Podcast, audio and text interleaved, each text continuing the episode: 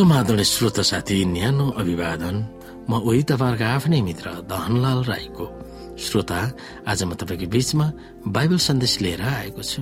आजको बाइबल सन्देशको शीर्षक रहेको छ परमेश्वरका जनहरू परमेश्वरको लक्ष्यका माध्यमहरू।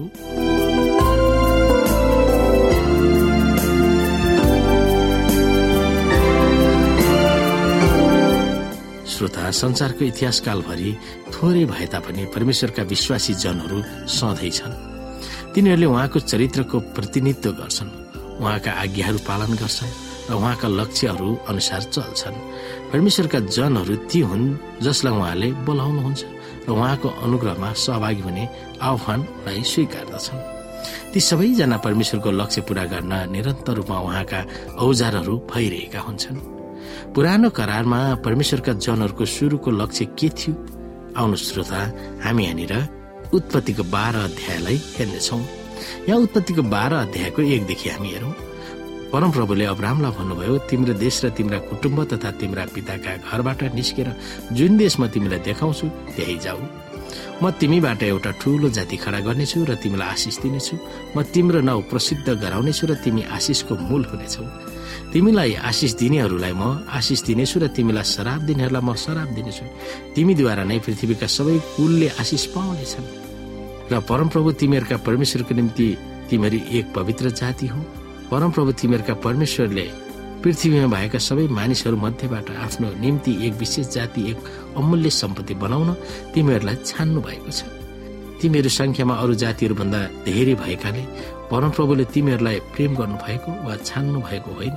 किनकि तिमीहरू त संख्यामा सबै जातिहरू भन्दा कम थियो र परमप्रभुले तिमीहरूलाई प्रेम गर्नुभएको कारणले र उहाँले तिमीहरूलाई पिता पुर्खाहरूसित गर्नुभएको प्रतिज्ञा गर्नलाई तिमीहरूलाई नै प्रभुले आफ्नो बाहुबलद्वारा निकाली ल्याउनु भयो र मिश्रका राजा फारोको हातबाट दासत्वको देशबाट छुटकारा दिनुभयो। त्यसकारण याद राख परमप्रभु तिमीहरूका परमेश्वर मात्र परमेश्वर हुनुहुन्छ।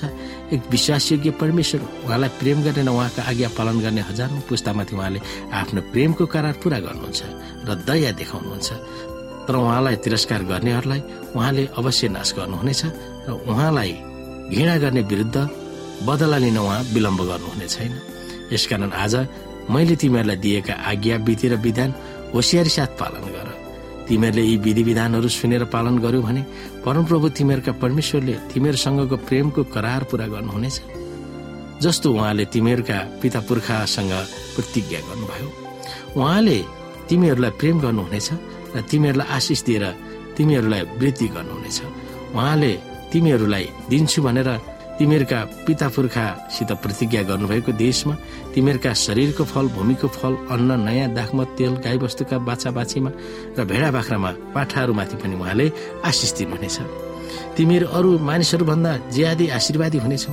तिमीहरूका पुरुष वा स्त्रीहरू मध्ये कोही पनि निसन्तान हुने छैन न त पशुहरू मध्ये कुनै पनि बैला हुनेछ।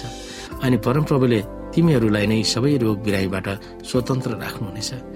तिमीहरूले मिश्रमा देखेका भयानक रोगहरू उहाँले तिमीहरूमाथि ल्याउनु हुने छैन। तर तिमीहरूसँग वैरभाव राख्नेहरूमाथि ती ल्याउनु हुनेछ।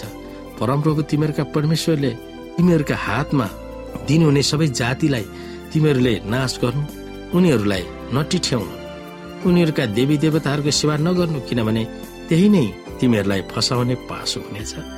अब्राहम र उनका सन्तानसँग परमेश्वरले बाँध्नु भएको करारको निश्चित उद्देश्य थियो।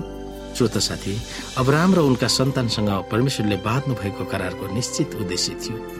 तिनीहरूलाई बोलाइएको थियो सृष्टि गरिएको थियो र परमेश्वरको लक्ष्यका माध्यमहरू हुन आदेश दिएको थियो। सारा राष्ट्रहरूको निम्ति तिनीहरू आशिषका माध्यमहरू हुन तिनीहरूलाई अलग गरिएको थियो। यद्यपि तिनीहरू परमेश्वरसँगको करारको सम्बन्ध भित्र रहने गरी चुनिएको थियो। तिनीहरू परमेश्वरमाथि आस्था र विश्वास राख्थे र उनका आज्ञाहरू पालन गर्नुपर्ने शर्तमा चुनिएको थियो। इजरायलका वरिपरिका देशका मानिसहरूलाई आकर्षित गर्ने प्रज्ञा पुरानो करारमा उल्लेख गरिएको परमेश्वरको मिसनमा लक्ष्यको रणनीति थियो। परमेश्वरको लक्ष्य नयाँ करारमा पनि निरन्तरता पाएको छ। पुनरुत्थान हुनुभएको प्रभु मुक्तिदाताले परमेश्वरको लक्ष्यको रणनीति पुनः सुरु गर्नुभएको थियो। यसुके चेलाहरू जसलाई हामी चर्च पनि भन्दछौँ सारा संसारमा सुसमाचार लिएर तिनीहरू जानुपर्छ। पौराणिक इजरायलमा अरू देशका मानिसहरू इजरायलमा आएर परमेश्वरको बारेमा ज्ञान सिक्नु पर्थ्यो। भने अब चेला वा यसो भक्तहरू नै अरू देशमा जान हराइएको थियो। सुसमाचार सुनाउने लक्ष्य चर्चबाट सुरु भएको होइन बरु त्यसको विपरीत परमेश्वरको लक्ष्य पूरा गर्न चर्चको अस्तित्व खडा भएको हामी पाउँछौँ। त्यही पनि प्रश्न त बाँकी नै छ चर्चको लक्ष्य के हो त? जसले चर्चको अस्तित्व हुन आह्वान गर्नुभयो उहाँकै लक्ष्य नै चर्चको लक्ष्य हो। मानिसको पुत्र हराएकाहरूलाई खोज्न र उद्धार गर्न आएको हो। लुका उन्नाइस अध्यायको दसमा भनिएको छ चर्चमा हुने हामी मध्ये कसैले पनि अरूलाई मुक्ति दिन सक्दैन तर ख्रिस जसले मात्र मुक्ति दिन सक्नुहुन्छ उहाँतिर सबैलाई औल्याउनु पर्दछ। यसो ख्रिसको चर्चको लक्ष्य नै नाश भइरहेको पापीहरूलाई उद्धार गर्नु हो। परमेश्वरको प्रेम सबै मानव प्राणीलाई सुनाउन र तिनीहरूलाई ख्रिसमा ल्याउन नै चर्चको अस्तित्व खडा भएको हो। मानिसलाई मुक्ति दिन उहाँको प्रेम नै पर्याप्त छ भनेर सबैलाई महसुस गराउनु पर्दछ उहाँको प्रेमको सुसमाचार सुनाउनु अवसर मात्र होइन यो महान जिम्मेवारी पनि हो।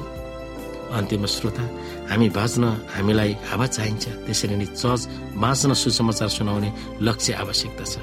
हावा बिना हामी मर्छौँ लक्ष्य बिना चर्च पनि मर्दछ। तपाईँको चर्चको जीवन थामिराख्न तपाईँले व्यक्तिगत रूपमा के गर्न सक्नुहुन्छ? त्यो विषयमा तपाईँ सोच्न सक्नुहुन्छ।